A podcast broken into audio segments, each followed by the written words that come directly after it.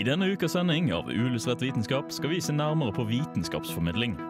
Under dette metatemaet så ønsker vi å se nærmere på viktigheten av kildekritikk og ansvarsfølelse når en både forbruker og formidler vitenskap i mediene. Og kanskje attpåtil bidra til å gi et større fundament for å navigere informasjonsjungelen som finnes der ute.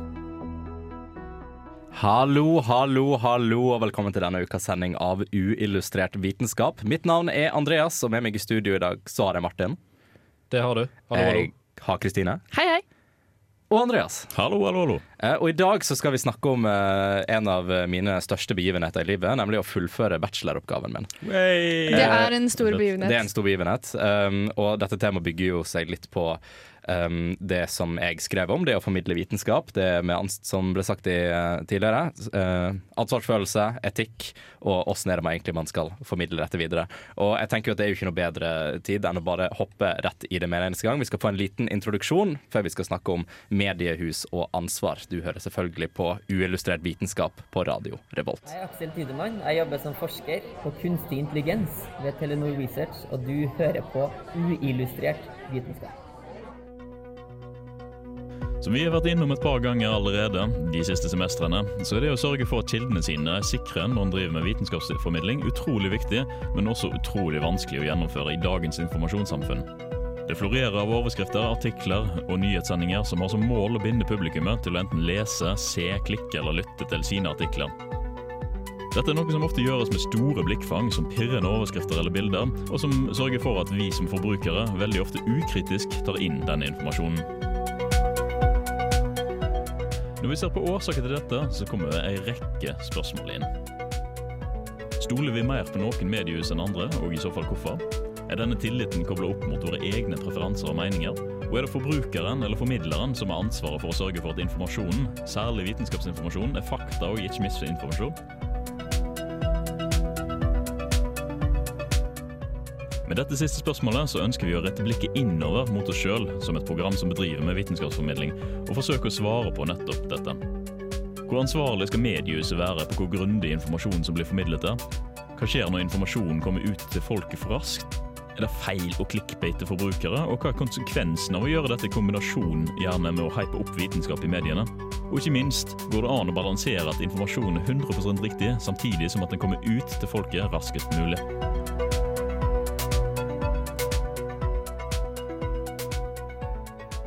Hi, this is Grant Sanderson from the YouTube channel 3 Blue 1 Brown, and you're listening to Unillustrated Science.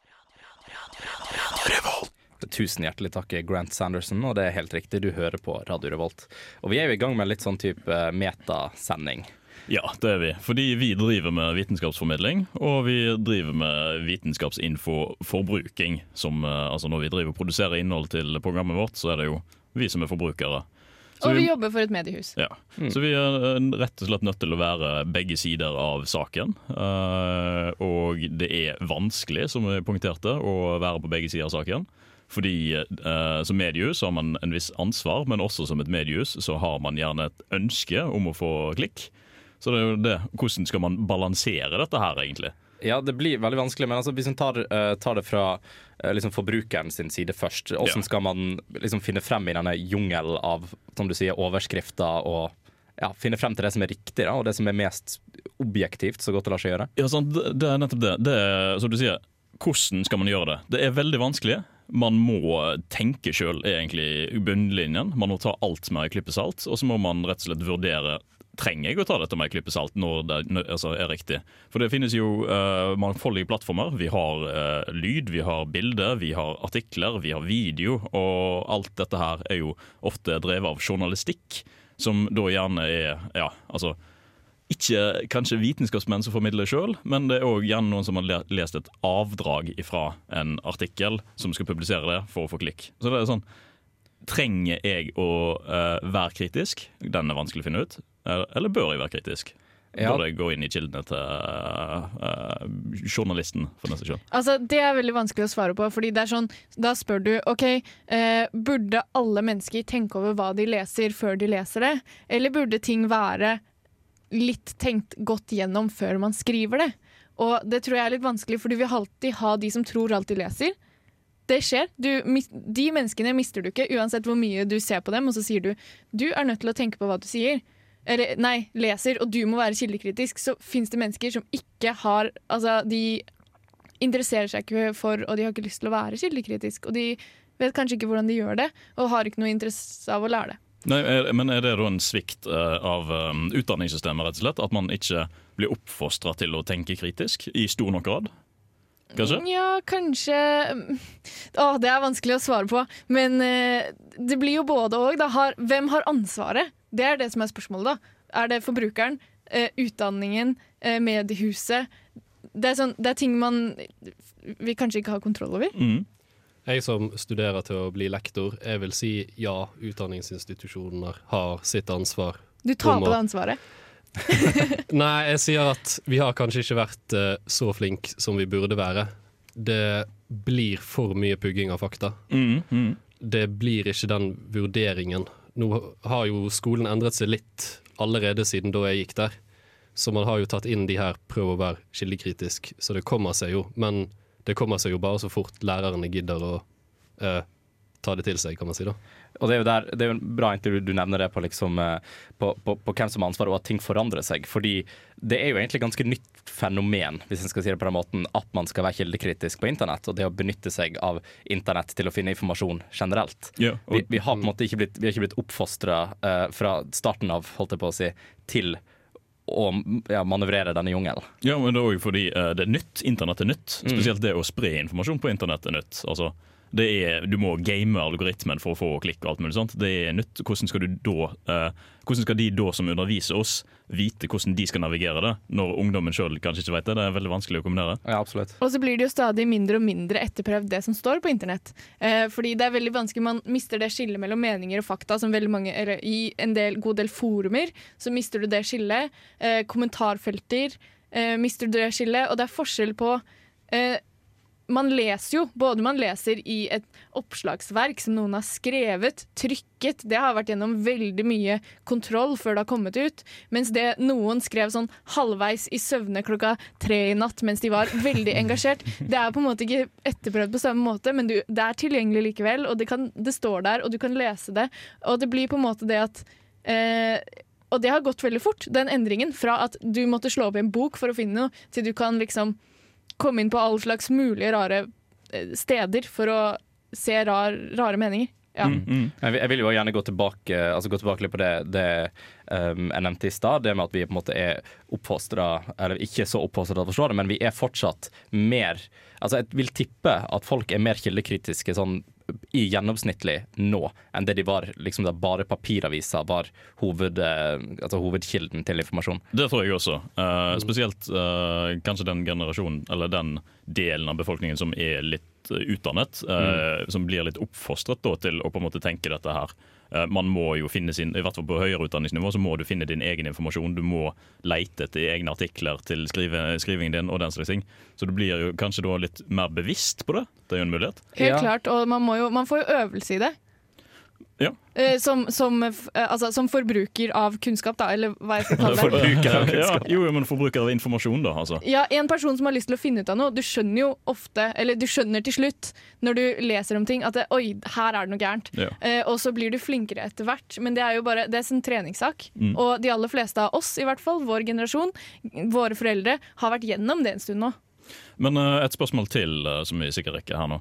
Hvem, uh, for vi svarte ikke helt på det. Hvem, Hvem er det som ansvar? har ansvaret? Ja? Ja, å nei, det er vanskelig å svare Det på. er jo det er jo på en måte alle. Ja. Men problemet kommer også litt av det at altså, journalist, eksempel, det er jo ikke en beskytta tittel. Du Nei. kan kalle deg en journalist om du driver en uh, rosa blogg, eller om du jobber i, en, i et stort mediehus. Um, og når det, liksom, når det ikke er en beskytta tittel, så gjør det jo at informasjonen som kommer fra en journalist, og man liksom, noen som kaller seg en journalist, ofte blir lettere å stole på. Men da er det jo den personen sitt ansvar å ikke komme ut med feilinformasjon når du tar på deg denne tittelen. Ja, det her faller jo veldig godt i tråd med det som presseetikkens eh, Vær varsom-plakat er. Altså at man har eget ansvar som journalist å sikre at informasjonen er riktig. Så Ja, jeg er enig i at uh, mediehuset har veldig stort ansvar for det. Men det er, må være et samarbeid på en måte mellom forbrukeren eh, for at det skal gå. Og jeg vil også holde en knapp på at den som er vitenskapsmann, har også et ansvar for å si hva de For å komme ut med informasjonen. Fordi at eh, de vet hva de snakker om. eh, og de kan på en måte si det på en best mulig måte. Og det er, det, det er folk ikke flinke på. Ja. Men klarer man å få det ut raskt nok hvis vitenskapsmannen skal komme med det? Nja, det er det store problemet, kanskje. Du må Men det- man kanskje endre på det kravet, da. Eh, eh, raskhet, ja. Ja, Vi må da kanskje ta en liten, eh, en liten sånn innsikt i uh, disse her eh, grunnprinsippene for, eh, for journalistikk. Uh, Men vi skal gå litt videre og snakke litt om, snakke litt om industrien og konsekvenser av det som kommer ut derifra. Eh, Før vi kommer så langt, så skal du få høre 'Leg Day' av Pampoko, og du hører det her på Uillustrert vitenskap. Uillustrert vitenskap er dritkule. Dere er det beste programmet ever. I love you guys. Hilsen super, hyperfan.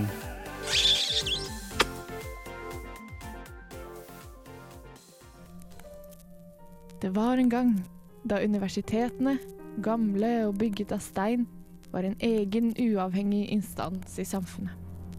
Der det å være vitenskapsmann var en trygg jobb, der det kunne utforskes alle sider ved vitenskapen du syntes var spennende.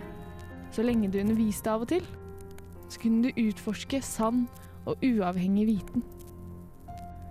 Åh, tider. Men det var da. Nå er universitetene nybygd med vegger og tak av glass, en egen politisk instans. Hva som skjer der inne, dikteres av de som styrer landet, og forskerne er mange og drevet av den evige jakten på penger. Det skal publiseres, presenteres, undervises og innoveres. Og alle forskere er kjøpt og betalt av industrien. Hvordan ble det sånn? Visste du at Cuba i 2015 var det første landet i verden som utryddet mor-til-barn-overføring av syfilis og hiv? Fun facts i Uillustrert vitenskap på Radio Revolt.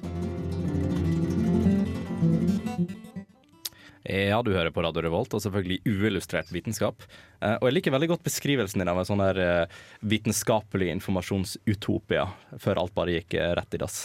Ja, altså Men det er Det finnes litteratur som beskriver at det er en endring som har skjedd. Og ja, jeg overdriver kanskje endringen litt, men den er til stede. Og det er noe man er nødt til å tenke over, fordi det er en endring i hvordan vitenskapen er utformet. Og det må vi tenke på. Det påvirker oss. Eh, som eh, lesere og av vitenskap, fordi at det, den er ikke laget på samme måte som det den var før. Eh, det skjedde en eller annen ting under andre verdenskrig, at eh, noen begynte å det var vel staten da kanskje som begynte å kaste penger på forskere for at de skulle utvikle ting, våpen og litt sånn. Og så innså de det at dæven steike, dette funka jo! Vi ga dem penger for å jobbe med våpen, de jobbet med våpen, de utviklet nye våpen. Eh, og forskerne har skjønt at hvis vi jobber med det som er det som eh, staten vil ha, det som de store firmaene vil ha, så gir de oss penger, og da har vi en jobb. Og sånn har utviklingen Da har det bare balla på seg. Det har blitt en spiral ut av dette. Eh, som går i en retning. Eh, og da har vitenskapen på en måte mer blitt sånn Vi trenger Folket sier vi trenger dette, og forskerne er sånn OK, vi forsker på dette. Eller folket sier dette er kult, og vitenskapsmennene er sånn OK, vi finner opp noe kult. Er det derfor det er så stor fokus på å forske på kreft i dag, f.eks.? Eh, For eksempel, det er, det er en ting som påvirker eh, folk eh, sterkt. Det er det deres foreldre, besteforeldre, dør av. Eh, og gjerne, ofte. Eh, og det påvirker folk følelsesmessig. De har lyst til å gi penger til det. Det finnes masse penger i kreft, eh, kreftforskningen. Hva heter det, store organisasjoner og det der. Og derfor blir det forsket mye på, fordi du tenker, som forsker så tenker du ok, jeg har lyst på en solid og stabil jobb. Jeg forsker på kreft, for der finnes de pengene som kan lønne meg og gi meg penger til å mate barna mine. Men er det oftest da folket som får prioritet, eller er det de store industriene som får prioritet på hva som forskes? Ja, det blir jo de store industriene, da, men det reflekterer også litt av folket. Eh, hvor, ja, det handler om hvor pengene ligger, da. Eh, og dette er jo Dette har med media å gjøre. Eh, litt fordi at media er på en måte en kommunikasjonskanal mellom folket eh, og de med pengene, eh, og de som utfører vitenskapen. Eh, og, da, og der er det mye som er lost in translation, da, for å si det sånn. Eh, og det er ikke så lett. Eh, alltid fordi at man skal eh, En kar finner opp noe nytt, og det er sikkert Kanskje man finner ut noe da, av forskningen sin, og så er det fett på kontoret. Og så er det en stor overskrift som sier sånn eh, Ole har funnet en ny kreftmedisin. Dette kan redde 100 millioner liv. Og så er det sånn Nei, det kan egentlig ikke det. Eh, og så blir det overhypet, og mye av det så er sånn Oi, eh, vi kan kanskje gå på Mars om tre dager. Og så, og så kan man ikke det, og så ser man at det ikke skjer. Og det kan svekke tilliten til både media og til forskningen. Ja, for det er veldig interessant, for at alle de kanalene der uh, Dette var jo noe jeg skrev i, i eh, bacheloroppgaven òg. At alle de kanalene der er jo veldig kobla sammen. Altså Du har de, som, altså de sensasjonelle nyhetene, og så har du de som tjener på at disse sensasjonelle nyhetene kommer ut. Ja. Og så er det liksom det å få det likt ut til folket, og sørge for at liksom, forskeren er kreditert, og sørge for at liksom, media får sin gagn på det. Og så må du bare prøve å finne den balansen. Ja, og, Og det er vanskelig. Det er veldig vanskelig, fordi ofte så er ikke ting så veldig stort i forskning i dag. Eh, vi finner ikke opp eh, elektroner, liksom. Det er ikke det vi oppdager den dag i dag. Eh, og der har også vitenskapen endret seg litt, fordi at eh, forskere har en tendens til å safe ting. Eh, man forsker på det man har mye kunnskap om fra før av, og derfor så finner man ikke opp nye banebrytende ting, men litt sånn mer sånn ah, dette var kult, dette var nyttig. Ja, det, det, du svarte litt på det allerede nå, men jeg lurer litt på uh, Går vi glipp av noe når forskningen er sånn som den er nå i dag? Når den er finansiert av, ting, eller av uh, folks meninger, når den er finansiert av uh, 'finn kuren til kreft fordi det dør mine familiemedlemmer av'? Det- Går vi glipp av noe? Kanskje, men vi hadde sikkert gått glipp av noe hvis vi ikke gjorde det på den måten òg. Det er litt vanskelig å si. Men eh, jeg vil jo tørre å påstå at det er mange ting som man kunne ha forsket på hvis det ikke var gjort på den måten som det er gjort i dag.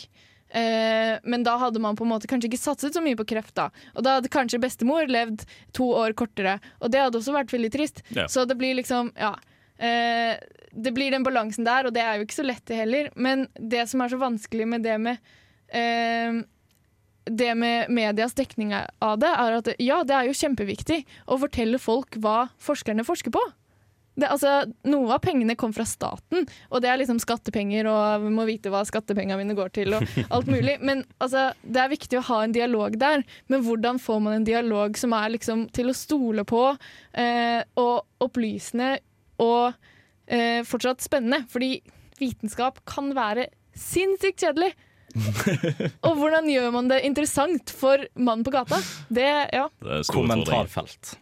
Det er, der, det er der man ofte finner For at Mye av det problemet som oppstår, er jo den når diskusjonen går videre fra det som blir formidla. Ja. Og du har liksom folket her som skal sitte med den informasjonen som står i den artikkelen, og det er det de kan basere hele argumentene sine på, eller noe de leste i et blad eller på et forum for to år siden, som de husker vagt. Det er liksom det er de tingene som kommer frem, og det er interessant spesielt det der med altså, kreft, levealder, ting som er personlig. At følelsene kommer jo frem der når folket får muligheten til å kommentere tilbake. Ja. Og da sier jo de om dette her er viktig eller uviktig. Og Det det, er sant. det er interessant. ja. Mm. Det er jo også veldig viktig det å skille mellom altså Kommentarfeltet er jo en stor felle uten sidestykke. uh, det, er, det er viktig å tenke på at meninger er ikke lik fakta, eh, uansett når man ser på det. Men uh, tilbake til det, vitenskap er jo gørrkjedelig av og til, Ja. Å, ja. og man skal gjøre det litt spennende. Hva med da om man kombinerer eh, vitenskapsartikler og gjør de skikkelig eh, thorough og alt mulig sånt, og så legger man på et kommentarfelt for å få litt spenning inn i det? Bare sånn uh, Disregard everything below this, og så bare har man spenningen sin i kommentarfeltet, og så kan man kose seg med fakta over. Tja Veldig- Jo, både òg. Veldig innovativt. Ja. Veldig innovativt. Eh, Jeg vet ikke helt om eh, VG-kommentarfeltet og Nature-kommentarfeltet hadde vært eh, likt, eller om det bare var sånn 'Du har en skrivefeil der, jeg tror benevningen din er feil på aksene'. Så, sånne ting, da. Eh, eller om det hadde vært en konstruktiv diskusjon, men problemet er jo å få det ut til folket. Altså, De som eh, ikke tenker på vitenskap i, i eh, hverdagen sin, Mm. eh, og de som har lyst til å gjøre det, hvordan skal de få Og der holder jeg, og der kommer vi tilbake til mitt argument om jeg syns at det her er viktig for en vitenskapsmann å bry seg om. Fordi det er de som lager kunnskapen, og de må også tenke litt sånn OK, jeg skal få penger fra eh, whoever som eh, finansierer meg, og jeg skal fortelle verden hva jeg driver med på en ordentlig måte. Eh, og det er jo på en måte Jeg syns at det der må man også jobbe litt, da. Ja. Jeg er veldig enig i den påstanden der, at eh, faktisk vitenskapsmannen har ansvaret. For media egne- skjønner jo ja. ingenting hvis ikke vitenskapsmannen forteller media hva han driver med. Kanskje, alle, kanskje ikke kuren er å ha vitenskapsundervisning på journalistene, men at vitenskapsmennene skal ha journalistutdanning til å formidle. Som ofte av og til kan være casen. Fordi Ja. at I mange vitenskapsartikler så er det ofte eh, et samarbeid mellom journalister og vitenskapsmenn hele veien. Men det er uansett vanskelig å finne den balansen. da. Eh, vi skal videre i programmet og vi skal høre litt mer om eh, kildekritikk. og finne ut hvem er det egentlig vi kan stole på. Men før det så skal du få lov å høre I'll Die Anyway av Girl in Red. Du hører på Uillustrert vitenskap på radio Revolt. Because I can tell you something, and then you just look at me and say I'm crazy. What do you think tap water is? It's a gay bomb, baby. Altså, det er en ting du må forstå, og det er jo at vaksiner faktisk gir autisme. Myndighetene prøver bare å sprøyte oss gjennom flystriper og chemtrails. Feministene tar over verden, og det er regjeringa sin skyld. Nå er ikke jeg noen ekspert, men det her er jo åpenbart. Det er snø i mars i Trondheim, så jeg har ikke sett noe til global oppvarming. Og så må vi jo snakke om 9-11. Alt er bare en konspirasjon. Du har kanskje hørt folk sukke og stønne over hvordan alt gir deg kreft, så hvorfor gidde å leve sunt? Og sett hvordan noen dytter i seg bacon og øl fordi de plutselig har fått inntrykk av at det er en form for selvmedisinering mot fedme og dårlig klima. Alt fordi de leste i en artikkel som poppet opp på Facebook-feeden. Det er liten tvil om at media former vårt syn på vitenskap. Nesten daglig pepres vi med sensasjonelle sensasjoner i vitenskapens verden, fra mediehus, sosiale medier, reklamer, blogger, venner, venner av venner som har lest et sted at noen har hørt at, osv., osv. For hvem kan man egentlig stole på? Og kan man bare skylde på media, eller har forskningsinstitusjonene også et ansvar? Eller er det kanskje publikum som må skjerpe seg? Det ser uansett ut som vi trenger en god dose kildekritikk. Det er riktignok ikke første gang vi snakker om kildekritikk her i Uillustrert vitenskap. Faktisk er det noe vi jobber med sjøl her på huset, med varierende suksess. Vi bruker kildekritikk med jevne mellomrom når vi leser, å ja. Men det handler jo ikke bare om det vi leser, for hva om det ikke bare er dårlig informasjon som er problemet, men også vår egen tanke om hva som faktisk er nøytral informasjon?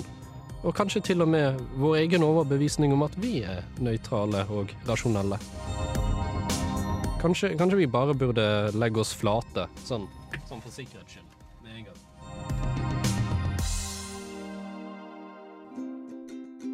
Vitenskap er kjempegøy, og derfor er også uillustrert vitenskap kjempegøy. Det er kalas, for å si det sånn. Her på Radio Revolt. Ja, Velkommen tilbake. Du hører på Uillustrert vitenskap på Radio Revolt. Og det er jo det spørsmålet ja, om hvem man kan stole på. Ja. Um, og noen av disse spørsmålene oppi her har jo vi fått svart bitte litt på, hvem som har, uh, hvem som har ansvar. Men Yes. det er jo vanskelig, det, det som vi nevnte i starten, det er vanskelig å manøvrere alt dette her. Jeg vet hvem du kan stole på. Å ja? Ingen, ikke engang deg selv. Nei. Wow. OK, det var Ja, Ja. det var ferdig med det. Nå skal vi høre på låten. Nei da. Ja. Ja. Nei, for det handler ikke bare om hvor mye informasjon vi sitter med, det handler om hva vi mener sjøl. Det er jo eksempel i klimaspørsmål, så har de jo prøvd å pepre oss med mer informasjon for å få oss til å endre holdninger og diverse, men det har jo ikke fungert helt alltid.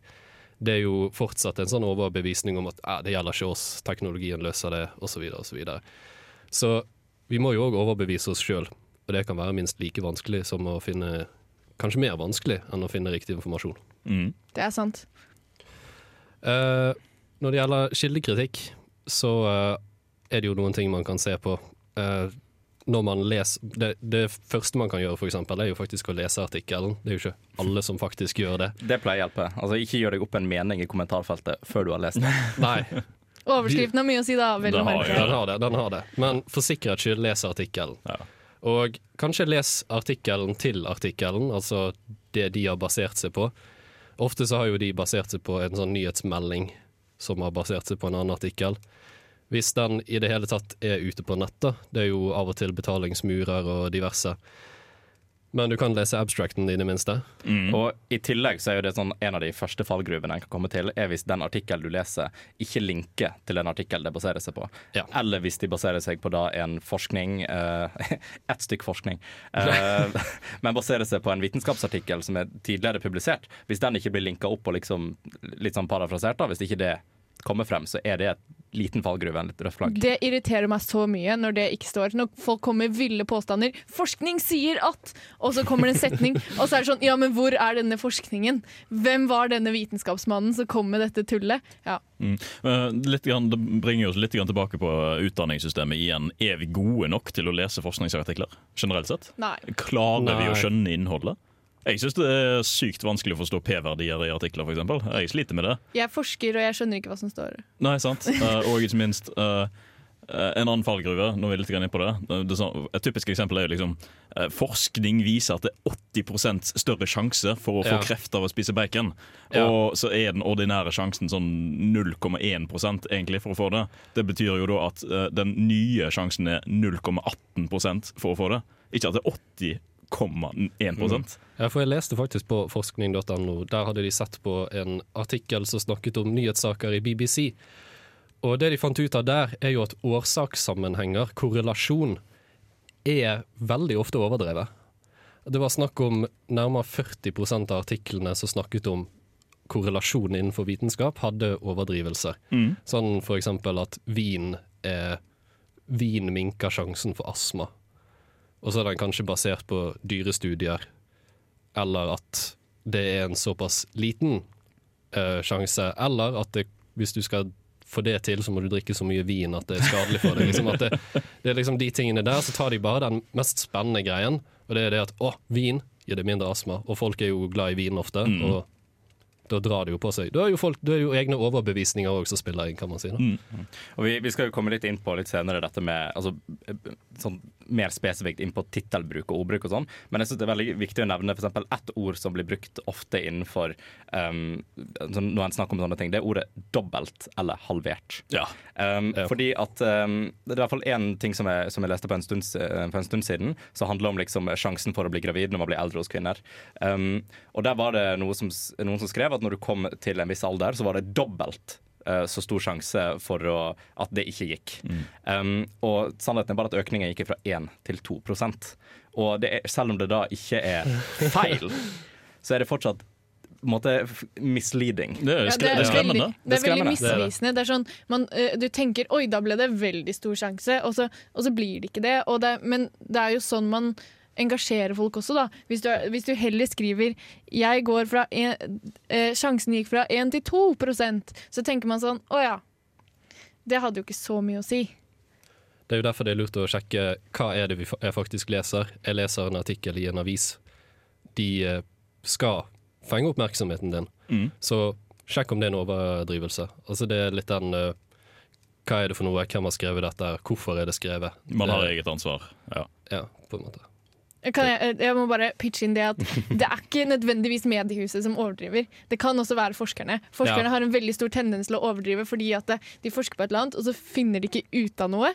Og så eh, tar de veldig små tall og blåser det opp for at det skal virke kulere og mer sensasjonelt det de har gjort. Deres arbeid, liksom. Eh, og det er jo veldig interessant, fordi um, med, altså, når det kommer til liksom, journalistene uh, og forskerne, liksom samarbeidet imellom der, um, så er det jo sånn at når de fleste i hvert fall større forskningsprosjekter, eller ting som de vet kommer til å få mye pressedekning når det kommer ut, de har som regel et samarbeid med at de slipper ut uh, x antall informasjon, slik at journalistene skal ha dette klart til det kommer ut Sikkert de kan skrive artikkel så fort som mulig. da. Og det kommer jo da ut igjen før selve liksom, hva skal si, eh, mm. slippes. Um, men det er jo der en på en måte kan få frem den problematikken med at forskner, forsk, forskerne Uh, Hvis de da allerede er klar for å gjøre dette litt sensasjonelt, så vil det videreformidles til journalistene igjen. Som blåser opp det allerede oppblåste materialet. Ja, og så sitter den her. Eventuelt at de ser på forskeren som en nøytral kilde, Mm. og dermed ikke like kritisk. Og det er man ikke nå i dag, ettersom jeg, sånn som jeg forklarte i stad, at man er mindre og mindre nøytral kilde som forsker. Eh, av det med finansiering og sånt. Og det må man tenke på, at en forsker er ikke nødvendigvis nøytral. De har funnet informasjon, de er gira på å formidle denne informasjonen, men denne informasjonen er utsatt for menneskelige og eh, andre feil. Ja. Rett og slett. Eventuelt så er de kjøpt og betalt av politisk eh, Nei, industri. sånn driver og- vi ikke med her. Fy, og, fy. um, eh, hva er den heter? Lizard people. Ja, ikke minst. Ja. Ja ja, selvfølgelig. Og en uh, liten ting til. Uh, det er også lurt å sjekke flere aviser. Sammenligne litt. Ja. Mm. Altså ja, det er kryss- kryssjekking. Ja, eh, rett og Ti slett. av ti. Eh, Men vi, det er jo sånn, vi har jo ikke noe, um, noe oppskrift på hvordan en skal gjøre det. En må ta det litt med altså sunn fornuft. En må bare sjekke litt opp i ting. Og vi har prøvd å gi deg et par gode tips, eh, men en må jo selvfølgelig ta det litt på egen hånd. Eh, Vi skal gå litt inn på det mer kontroversielle um, eh, og snakke litt om eh, sensasjonalisme, hvis det er et ord. Mhm. Eh, Men før vi kommer så langt, så skal vi høre 'Hardly To Blame' av Share Mag. Du hører på Uillustrert vitenskap på Radio Revolt. Hei, Torfinn Borchhus fra NRK her. Du hører på Uillustrert vitenskap.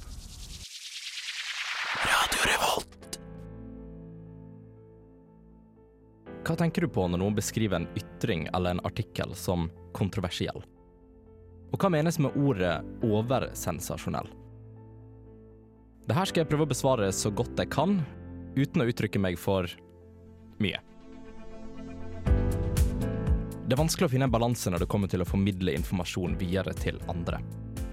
Det er vanskelig både i vanlig dagligdags tale, men òg spesielt vanskelig for mediehus og journalister som skal videreformidle dette til mange, mange mennesker. Men hvor går linja? Og hva er egentlig linja? Dersom man skal skrive en sak rundt en vitenskapsartikkel, hvor viktig er det å bare formidle den informasjonen som står, og holde den relevant, enn å trekke til seg lesere og få klikk? Man har selvfølgelig det klassiske eksempelet på clickbait. Du vil ikke tro hva denne vitenskapsartikkelen sier om uh, maur. Du har kanskje ikke så mye interesse i maur, men du har lyst til å se hva artikkelen skriver om det. Men dersom denne artikkelen er koblet opp mot en årelang, viktig studie som kan forandre måten vi ser på maur, er det da riktig å bruke en sånn tittel? Hvor går denne grensa? Kan det skade innholdet å være for sensasjonell? So, this is Richard Wiseman, author of 59 Seconds, and you are listening to Unillustrated Science. Enjoy. Vet du hva, Richard Wiseman, det er helt riktig. Du hører på uillustrert vitenskap på Radio Revolt. Og nå skal vi tenk, tenkte jeg at vi skulle komme inn litt i mer det resultatbaserte fra, fra oppgaven min. Eh, og det skal jo sies at denne studien som jeg har gjort, eh, den er jo ikke fullstendig eh, objektiv eller en fasit på noe som helst måte. Det er jo en studie som har blitt eh, skrevet av meg. Men fortsatt, du har jo undersøkt en ting. Jeg har undersøkt en ting. sett nærmere, gjort research. Så eh, kanskje en eh, vitenskap likevel. Ja, det er, altså det er en vitenskap, og det er en vitenskap Det er en veldig meta, det er en vitenskapsartikkel om vitenskapsartikler. Um, men jeg vil selvfølgelig presisere på at uh, det er mulig å gjøre feil, og alt mulig sånt. Så en skal ikke ta alt det vi sier her noensinne for granted, selvfølgelig. Nei, Vi er forbrukere av uh, samme informasjon, vi også. Mm. Og vi kan ta feil, vi òg. Ja. Tenk det. Det er viktig å bare etablere dette. Eh, det jeg har lyst til å snakke litt først om er det noe som vi ikke har nevnt, eller vi har så vidt vært inne på det, men det med på en måte journalistiske grunnprinsipper. eh, og det som eh, liksom det, det som står som alle journalister skal gjøre. Uh, og det å passe på at uh, informasjonen er riktig. Um, passe på at det er rettferdig, at alle sider er dekka. Um, at det er en form for uavhengighet der. Uh, det gjelder selvfølgelig ikke for alle. Det spørs jo om det er faktisk en kjøpt og betalt avis eller en kjøpt og betalt mediehus. Um, men som et grunnprinsipp så skal det være en uavhengig informasjon. Da. Og man må kunne stole på det som blir skrevet. Dette er jo selvfølgelig ikke tilfellet eh, overalt, og det fikk vi jo litt frem i stad. Um, og litt spesielt på den informasjonen uh, som mangler. Uh, for vi var jo inne på det at det, det linker ikke ofte til den originale studien. Um, og det er ofte altså, estimering og avrunding. Mm. Og det er jo det med å bruke uh, sensasjonelle ord som er dobbelt og halvert, eller massivt, eller knust, uh, og sånne ting. Og det um, um, kan skape en del problemer. Og en, Hvis en leser en litt sånn kontroversiell artikkel, eller leser en artikkel som dekker et spesielt tema uh, F.eks. min oppgave uh, dreier seg om artikkel uh, som kobler MMR-vaksinen opp mot autisme. Det var en dansk studie som publiserte publisert i mars. Um, og det er jo Altså, det å snakke om vaksiner nå til dags er kontroversielt. Ja. Um, vi har jo hatt vaksine, litt vaksine, en del vaksineprat i studio. Ja, Vi snakka om den studien når den ble publisert i mars, og snakket litt om hvordan man leser vitenskapsartikler, og hva betyr egentlig dette her. Eh, Den finnes jo på Spotify hvis man har lyst til å høre det. Absolutt. Uh, det jeg var inne på, for jeg var inne på å kikke først og fremst på uh, hva forskjellige mediehus sier om dette, og hva de bruker i titlene sine. For det var jo spørsmålet jeg stilte om kan det at en ti- tittel er for oversensasjonell, uh, skade innholdet og skade meningen bak det. Um, og noen av disse titlene som jeg, som jeg leste, er jo ekte mediehus, selvfølgelig. Det er ting som er skrevet. Men det er jo sånn um, artikkel er jo, eller en vitenskapsartikkel er jo aldri 100% riktig. Du kan ikke komme ut med en vitenskapsartikkel og si at det er 100 riktig. Um, det må alltid være en sånn mest sannsynlig eller kan jeg si, almost disproven. Vi har en 95% sikkerhet på at dette kanskje betyr noe. Det er jo Ja. derfor vi gjør statistikk. Ja. Fordi Det- vi er usikre. Nettopp. Men det er jo ikke alltid dette her kommer frem. Nei. Eh, og man vil få flere klikk på en artikkel dersom man eh, skriver det på en litt annen måte. Eh, et fint eksempel på det, um, for eksempel Study on half a million people confirms that vaccines do not cause autism. Um, og det er jo så å si riktig. Ja, men det er jo absolutt ikke innholdet i den artikkelen. Nei. Altså vitenskapsartikkelen. Nei, men det er budskapet, kanskje. Budskapet, ja. Det var derfor de gjorde vitenskapen, og Ja. det var, eh, eller det var derfor de gjorde den studien. Og det var det de hadde lyst Det var hypotesen, kanskje. Mm. Og da har de sagt det. Altså, vi forska på dette, vi fant av dette. Det må jo være kort. Ja, det må jo det. Eh, Men altså, det, når jeg sier òg at det er absolutt ikke det som er uh, tittelen, så mener jeg at eh, de kan ikke bevise det med 100% sikkerhet. Derfor kan du ikke si at det er 100% sant. Selvsagt så er det da et, en støtte oppunder uh, hypotesen. Men det er så sykt lite Hva skal jeg si eh, Interessant, ja. Jeg tror kanskje muligens Altså, det fenger ikke like godt, Nei, det er ikke det, men det er sånn vitenskapen er. Du kan ikke si det med sikkerhet. Og det er jævla irriterende, fordi man har lyst til å si at vaksiner ikke forårsaker autisme. For det skjer ikke. Og du, og du er ganske sikker på det? Ja, sant, men du er bare 95 er sikker på det. Og det er så ja, ja, jeg Um, forstår. Men det er jo eh, en, eh, Og det å bruke 95 konfidensintervall betyr jo ikke at man er 95% sikker heller. Men ja, det er en eh, mer komplisert forklaring på det. Men du er ofte mer enn 95 sikker, da. Mm, ja, ofte. Men det er, uansett, det er jo ofte penger involvert i dette, her, og da må man ha klikk, og man må få på reklame, man må sørge for at uh, artiklene kommer videre. Og det med penger det er jo igjen sånn en, et motargument mot de som argumenterer mot at dette her er ikke sant. Det stemmer ikke. Det er Big Pharma som har sponset denne her, og Mm. vaksiner gir fortsatt autisme. Sant?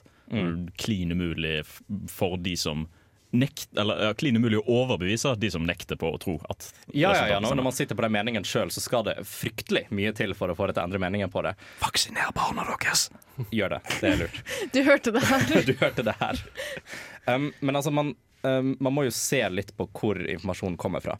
Man må jo ta, uh, Det er jo litt tilbake igjen på kildekritikk, da, men man må jo faktisk se hvilke type side eller hvilke type tidsskrift dette kommer fra. Men det er vanskelig å vite hvilken tidsskrift du skal stole på. Altså, eh, det er mange som har meninger i alle retninger, selvfølgelig. Men det er sånn, for eksempel hvilken avis som er den mest nøytrale.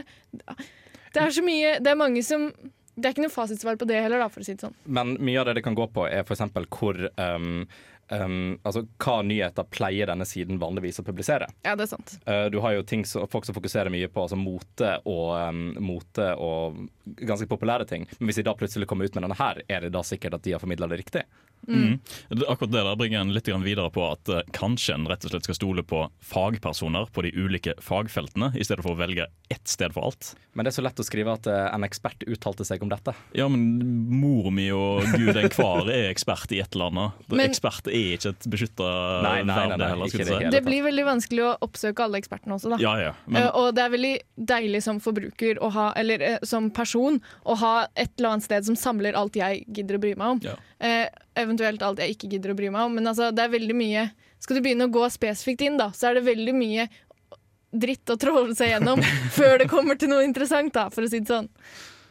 Mm. Noe, av det, noe av det som er merka som et resultat, da, eh, noe som jeg kunne finne i artiklene sjøl, eh, er ofte det at mange artikler som, der de spesielt ikke har uttalt seg mye om denne typen vitenskap før, er ofte det at eh, du kan si at de linker videre, ikke til den originale studien, men at de linker videre til en tidligere artikkel som de har skrevet, om enten et lignende tema eller en meningsartikkel. Eh, og jeg tenker når du først skriver en, altså når du skal videreformidle en vitenskapsartikkel, i hvert fall noe som er viktig og en årelang viktig studie, så blir det litt rart å på en måte komme med en tidligere mening om noe som er relevant, som er skrevet av en av dine journalister. Um, og en kan, jo, altså en kan jo se at det blir mye um, Ja, det blir mye rot der. Uh, og det blir, det blir generelt vanskelig. men hva er konklusjonen, da? Eh, Skadekontroverser? Skadeoverdrevne titler? Ja.